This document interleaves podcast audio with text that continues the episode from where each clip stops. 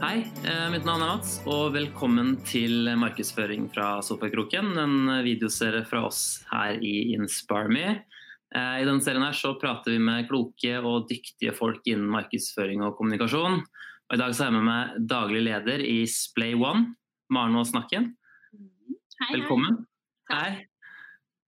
Du, um, vi er jo på alle mulige måter i samme uh, bransje. Ja. Jobber med influencer marketing. Eh, men vi, vi, der vi bygger en teknologiplattform, så er dere et, et management og et produksjonsselskap. Eh, hvis det blir riktig å si. Eh, kan ikke du starte med å fortelle litt hva dere gjør? Jo, det stemmer. Um, vi liker jo å kalle oss neste generasjons mediehus. Um, jeg tror de fleste kjenner oss som et YouTube-nettverk eller et management, som du sier. Og når vi Mhm. etablerte oss i Norge for første gang, så var vi nettopp det. Vi var et management for store youtubere i Norge. Men vi har utviklet oss til å ha en egen merkevare og ser oss egentlig bare på som et digitalt mediehus som eh, lager liksom underholdning og kommersiell underholdning uansett hvilken plattform. Så man er ikke bundet til én li- lineær kanal, men alle sosiale medier. Og, Mm. Men, men, i, men i dette mediehuset da, så står på en måte influenserne sentralt i, i innholdsproduksjonen. Er det, mm, så det, er, liksom, det bygger på influenserne. Ja, vi kaller jo de youtubere og egentlig innholdskreatører mer enn vi kaller Ja. de influensere. Til og med flere av de blir litt fornærmet hvis vi kaller de influensere. Jeg tror de forstår at det er det de er, men, men de, er, de er eksperter på videounderholdning. Så Ja. Det det det kan vi komme litt tilbake til, for det syns jeg faktisk er litt, interess litt interessant å snakke om det med bruken av ordet influenser, eller om man er en ja, uh, creator, som man ville sagt på engelsk. Em, eller andre benevnelser. Men, men eh, kan, hvordan er det dere jobber med altså, i, Dere har en, en, et sett med youtubere, da, eller innholdskreatører, som, som er tilknytta dere. Eh, hva er det dere gjør for dem, Hvordan er det dere jobber med de? Altså, vi pleier å si at vi er først og fremst et støtteapparat for norske eh, kreatører på YouTube. og da det er noen Vi jobber forskjellig med dem. Noen eh, er vi bare et MCN, altså et multi-channel network, som vi kobler på. Mm. gir oss, Jeg tror vi har rundt 60 youtubere i dag um, som gir oss et stort inventory og nesten jeg tror 20 millioner views i måneden. Altså vi, vi, vi kan veldig mye em, om deres publikum. Vi sitter på en Mm. enorm mengde data på et ungt publikum.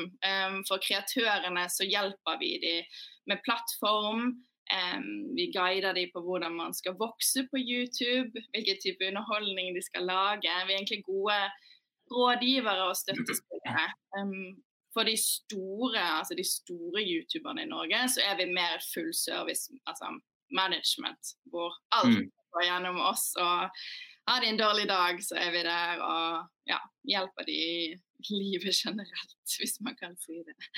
Ja, ikke sant? Så da er det alt fra liksom, dere håndterer det økonomiske for dere håndterer alt det innkommende kommersielle forespørsler, Ja. støtte på å videreutvikle kanalen, personlig verkevare, eh, ja, som du sier, støtte i livet.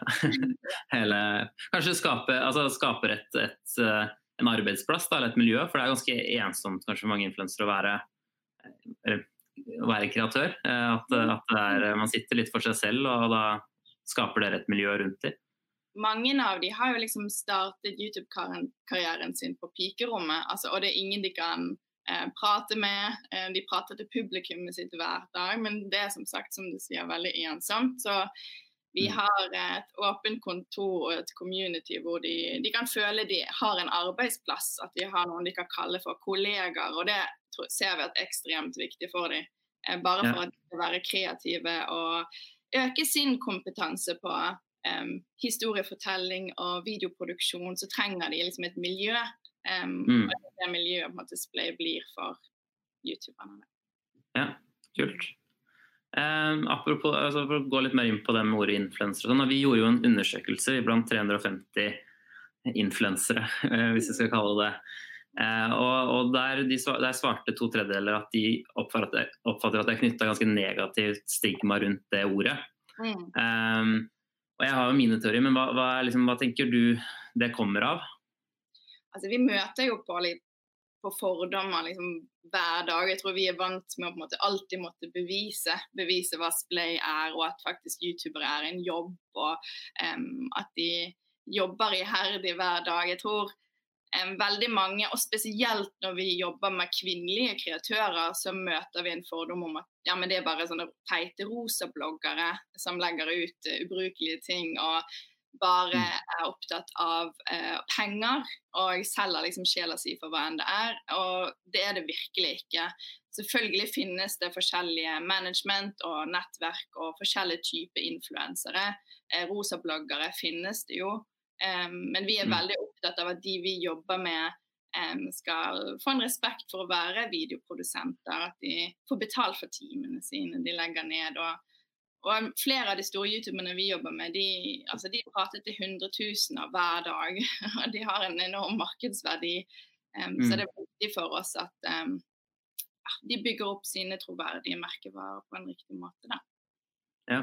Mm. Jeg tenker jo liksom jeg har jo lenge altså, Vi har holdt på med InspireMe nå i, i, fire år. Det er fire år siden vi starta selskapet. og jeg har hele veien liksom prøvd å unngå å bruke ordet influenser. Ja. Um, og liksom, vi har kalt det uh, work, in, in, work in progress-tittelen på InspireMe før vi lanserte, var jo 'Blogs Connected'. Det er kanskje ikke det mest Jeg er glad vi ikke landa på det i dag, men, men uh, ja, vi, vi, kaller jo, vi kaller også på altså Måten vi gjør det i dag, er at vi kaller på, på plattformen, altså når man er en influenser på plattformen, så henvender vi oss til det som en, en creator.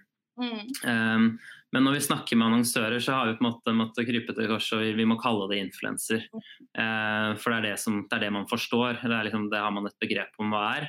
Uh, men ja, den stigmaen tror jeg uh, henger sammen med litt historikk, og at det har vært mye cowboyvirksomhet i denne bransjen nå, som på en måte nå eh, aktører som dere og, og, kanskje oss holder på å profesjonalisere litt opp. Da. At det blir litt ryddigere rammer og strukturer for, for det som skjer i bransjen vår. Jeg husker når jeg mm. startet Display for over tre år siden, så gikk vi liksom skikkelig inn i oss selv og tenkte hva skal vi være? Influensere var så nytt, hvem skal vi jobbe med, hva skal vi stå for? Og da etablerte vi veldig tidlig at et av våre verdier skal være redelig. Selv om vi følte mm. oss redelige, så ble vi ikke oppfattet, eller bransjen ble ikke oppfattet som redelig. Så det, mm. har jobba ja, ja, ekstremt mye med sånn hvilke merkevarer jobber vi med? Um, vi er ganske stolte av at vi sier jo mer nei til penger enn ja til penger, f.eks. Um, YouTubernes um, ja- og nei-lister, altså nei-listen er lengre enn ja-listen, og de er ekstremt strenge med hvem de har lyst til å jobbe med. Så jeg tror det har vært uh, en av de viktigste liksom, arbeidene vi har gjort de siste årene, er bare sette en, en standard i bransjen. Mm.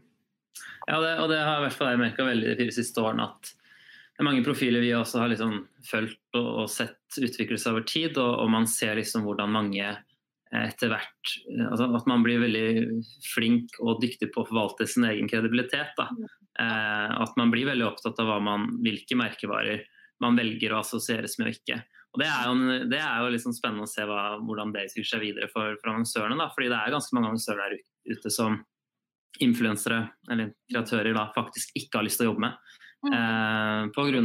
enten hva de Kanskje noe de står for, eller eh, noen, noen uh, miljøhensyn de ikke tar osv. Så, videre. så Så det er interessant å se hvordan influenserne har begynt å definere litt hvem som kommer igjennom, da, eh, og hvem som når fram. Og så glemmer man litt at hvor utrolig skadelig det er for influenseren hvis merkevaren gjør noe dumt. Altså Det går begge veier. Det er to mm.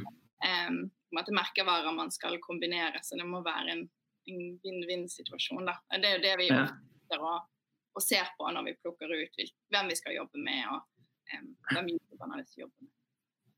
Men, men eh, litt, litt, videre inn på det. da, hvordan um, Youtuberne deres, hva er det de forventer av en annonsør? Hva, og, og, da tenker jeg kanskje Én eh, eh ting er merkevarer, eller hva de ikke vil jobbe med, men no, det andre er litt mer sånn Eh, code of conduct, hva er det de liksom forventer at eh, annonsøren uh, gjør og ikke gjør. Uh, og for dette går begge veier. En annonsør kjøper jo tjenester av en influenser, men en influenser låner jo faktisk da ut sin kredibilitet, og, og er liksom, det er det viktigste de har. hva er det deres youtubere liksom ønsker av annonsøren? altså Jeg tror de har veldig mange altså, myke forventninger, altså sånn eh, verdier av forventninger. Jeg tror man må ikke glemme at um, de første influensemarketing er så nytt. og de er veldig vant med å bli lurt, eller føler seg at de prøver å bli lurt. Altså, mm. eh, når internet marketing først kom, så var det om å gjøre for merkevaren å liksom, gi gratis ting, få ting til å gjøre det gratis, sende de på turer som er gratis. Um, det var veldig sånn eh, en holdning om å prøve å lure med seg mest mulig influensere til å gjøre ting for de gratis. Så jeg tror det de, vi ser at de er mest opptatt av, er egentlig bare å bli respektert og at man blir satt pris på for den jobben man gjør. Det handler ikke nødvendigvis om lønn, altså sånn hvor mye penger mm. de skal få. Utrolig opptatt av å bli hørt, føle at merkevaren lytter til dem. Youtuberne er jo også en slags fokusgruppe for merkevarene. De har tilgang på en målgruppe som merkevaren vil nå ut til. Altså de er vi jobber veldig mye med at hvis man skal starte et stort og lengre samarbeid, så må det være god tillit i grunn. Altså det må være eh, en samme visjon og forventning om hva man skal um, levere. At det er en virkelig en vinn-vinn-situasjon for merkevare og um, influenser. Og jeg tror det er det man ser veldig ofte i samarbeid som har gått skeis. Så sitter influenserne igjen og føler at nei, men de, de prøvde jo å fortelle dette, det, det, det, er ikke på denne måten det funker. Jeg tror mm. det er mye byråer og merkevarer som har en idé av hva de vil gjøre med influensere, og så har liksom klart et manus, og de har klart det sånn, dette skal de gjøre, og liksom nesten bestiller en influenser, og så bestemmer hva de skal gjøre. Det, det funker heller ikke, for da har ikke de noe eierskap til absolutt det de skal gjøre. Så um, de er veldig glad i å f.eks. bli invitert inn i utviklingsprosesser, altså, eller innsiktsprosesser. Mm. Um, og det gjør vi veldig, og det ser vi var en fantastisk effekt av når man, når man gjør. Ja, og Hvis man ikke kan gjøre det, så i hvert fall gi rammer som influenserne kan operere innenfor. eller youtuberne kan operere innenfor, At det ikke er som du sier, et ferdigskrevet manus, men liksom, her er budskapet som skal formidles. Og, og um, ja, innenfor dette så kan du tilpasse det liksom sånn som du ønsker og sånn som det gir mening for deg å snakke med ditt publikum. Da. Det er jo Som et godt ledd både dere og oss, på en måte, er jo det der eh, Må bare lage en brief til dem. De må ha en tydelig eh, forståelse for hvorfor gjør de dette. Um, mm. Hvilke kopier er det de blir målt på? Um, hvilket formål er det de blir brukt til? Um, sånne ting er ekstremt viktig å få tydeliggjort for influenserne. Ja, ja. Jeg er enig. Jeg ser uh, uh, Og dette er, jo, dette er, jo, kanskje det vi ser de annonsørene som ligger lengst bak når det kommer til influencer marketing, og som kanskje, ikke, som kanskje ikke har kommet i gang med å teste det. Der er det uh, ekstrem redsel for å gi, gi, fra seg merkevaren og liksom ikke ha kontroll på, på merkevaren og budskapet. Mm. Og ja, det jeg har landa litt på der, at liksom, svaret til, syvende og sist er liksom du, du, du, må bare Det er en leap of fate. Da. Du må, du må eh, til slutt tro på at denne personen eh, etter kommunikasjon med en person at den personen kommer til å gjøre en god jobb. Eller, den, eller via Inspire hvor man kan se reviews at man ser at denne personen har gjort mye bra for annonsører før. Eh, fordi du må slippe litt kontrollen. Hvis ikke så er ikke influencer marketing noe for, for din merkevare, tenker jeg. Og så tror jeg liksom altså, man skal lage en god mediemiks. Jeg tror både byrå og merkevare er vant med å liksom, kjøpe plassering, liksom, skape noe, publisere det. Men, og det føles kanskje litt krevende å jobbe med influenser. Det blir så mye måtte, hassle. Mm. Men tro, hvis man gjør det på en riktig måte og liksom, til og med inviterer de inn altså i tidlig fase, så er det, det er helt fantastisk hva man kan skape sammen. og Man må ikke glemme at vi pleier også å si det at vi, vi låner jo YouTubernes troverdighet til merkevaren. Det er de som kan mm. målgruppen sin best og har sin tone og sitt språk. og um, Man må bare, som du sier, ha tillit til at man kan bruke en, en forlenget uh, talerør til målgruppen for at det skal uh, formidles bra. Da. Ja. Nei, det, det er um hva tenker du da, altså bygger litt videre på det, da, men hva tenker du er de beste eh, altså, nå, nå, er jo dere et det, det er jo litt viktig å si da, dere, dere sitter jo på noen av de største youtuberne i landet. Eh, så, så eh, med stor distribusjon, store profiler, eh, og som du sier, utfordring med, med å jobbe med influencer marketing kan jo være at hvis man skal jobbe med mange, så føles det Du skal jo deale med mennesker, ikke sant? Så det blir jo all kommunikasjon som skal skje. Eh, skal du jobbe med én stor profil, så er det kanskje lettere, eller to eller tre, så er det lettere å invitere inn og ha liksom inn i prosessen og, den biten der. Skal man jobbe med 50 mindre, så er det kanskje litt vanskeligere. Da, da må man liksom gi litt mer sånn rammer eh, for, eh, for, det de kan gjøre. og eh, At man har satt hva som skal skje, men, men at man gir litt rammer. Da. Men eh, på samarbeidsform Hva tenker du er liksom Hvordan burde hvordan burde annonsører samarbeide med influensere? Altså hvis du har kampanjer, du har, du har jobbet med ambassadører over tid. Eh, litt ledende spørsmål kanskje, men, men, men, hva tenker du om hvordan man burde jobbe? vi har jo sett en tydelig utvikling også sånn da vi begynte å etablere liksom, Splay-landet med de første. Få liksom, youtubere opp og frem som noe man kunne bruke. Um, så var det jo altså det var rabattkoder og one-offs. Altså det var sånn én gang man kjøpte her og der, og så kanskje ja, testet man litt forskjellig. Og man kunne på en måte ikke se noe effekt når du bare gjør det én gang. Men det vi fokuserer veldig på med de merkevarene vi jobber med, man er nødt til å ha en strategisk um, plan for å bruke influensa. Det må være en egen influenserstrategi, og det må være langsiktig. Um, man må tørre å investere litt. Um, nå er jo altså vårt um, inventory dekker jo um, 18 til 25-åringer i størst grad, også opp til 30. Altså, vi har en ganske ung målgruppe. Så når vi mm. starter dialog med en ny kunde, så er det ofte i den forbindelse med at de ønsker målgruppen vi kan nå ut til. og det vi pleier, altså det vi pleier å tydeliggjøre det at det kommer en helt ny generasjon nå som har helt andre medievaner, og de ser ikke lenger så mye på TV. eller De ser utrolig mye på underholdning, eh, men de mm. vil velge hva de ser, og se det når som helst. Og de konsumerer så ekstremt mye. altså Det er jo en jungel å kunne nå ut til en 24-åring i dag. Um, mm.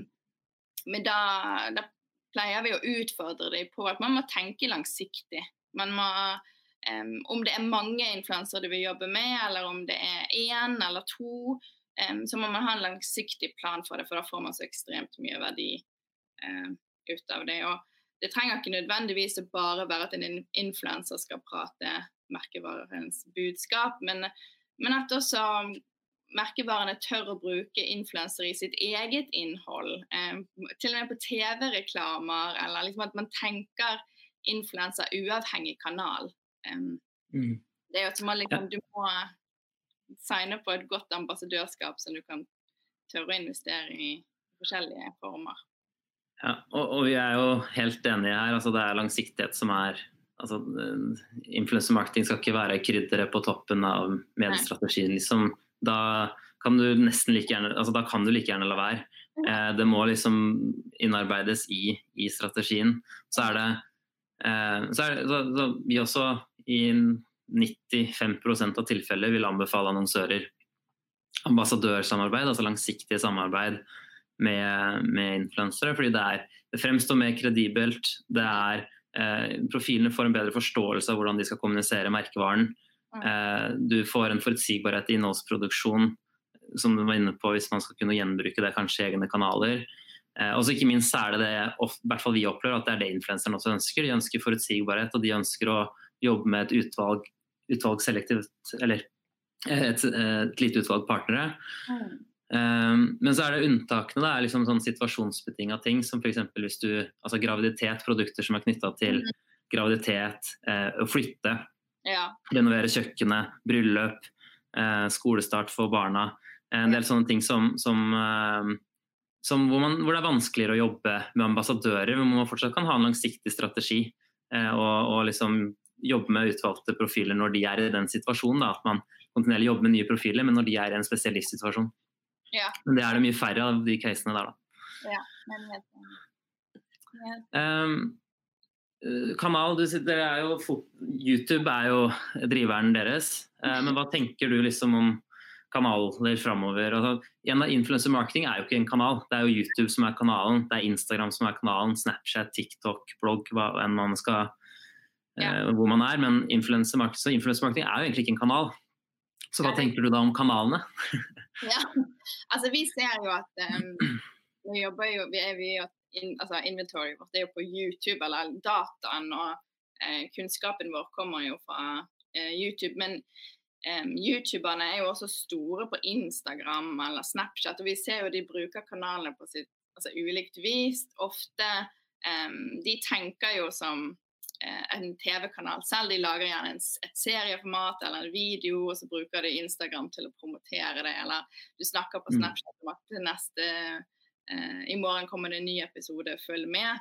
Um, så vi ser jo ofte på liksom, et heller større bilde som et ekosystem når vi jobber med merkevarer. Kanskje vi skal produsere en underholdningsserie på YouTube. YouTube er der ungdommen bruker mye tid. Altså, herregud, så mye tid mm. de bruker på YouTube i dag. Um, det kan ikke måles med, altså, sammenlignes med Facebook, men Facebook er også viktig. Um, men på en annen grad. Kanskje man kan mm. lage bakomsnutter eller promotere serien i, på Instagram og Facebook. Um, mm. Ofte jobber vi har vi alle kanaler i en pakke uh, når vi skal lansere en serie. Det er superviktig. Mm. Og det ser vi også. Har deres, har deres profiler hoppa på TikTok? Ja, det har de. det tror jeg alle har i korona. Altså selv uh, mine ansatte har i dag og lagde en liten dans. Jeg tror uh, TikTok har jo blitt liksom en koronaaktivitet mer enn en underholdningskanal. Ja. Men det, det, er også fascinerende hvor fort det går. Vi har um, Amalie Olsen, som er stor på YouTube, plutselig hoppet over over på TikTok. Og så plutselig har hun 300 000 følgere på TikTok på liksom en uke. Det er helt, det er helt sinnssykt. Mm. Men det er jo et annet behov på TikTok, og så er det jo trender som går igjen. Så hele den TikTok-greia er selvfølgelig ny for oss, og det er ikke nødvendigvis det er en kanal vi, vi på en måte eh, vil anbefale merkevaren, men det er veldig spennende å se at vi har et stort eh, behov for å bare konsumere gøy og underholdning. Og det har vi definitivt sett i korona når folk har sittet hjemme og vært mm. smådeppa. Underholdning har vært så viktig for dem. Jeg tror vi hadde liksom eh, Vi doblet veksten vår på seere på YouTube, og TikTok gikk i fyr og flamme. Så det, ja. det er gøy å se atferden også. Ja, på TikTok har dere noe inntrykk av Når hun har fått 300 000 følgere, er det et veldig internasjonalt publikum, eller er det, har du inntrykk at det er norsk, mye norske følgere? Altså, vi har jo ikke mm, Når vi jobber med kanalene, så kjenner vi jo altså har vi god relasjon med kanalene. Altså Vi snakker jo med Google og YouTube annenhver dag på en måte, og jobber mm. sammen med kanalen.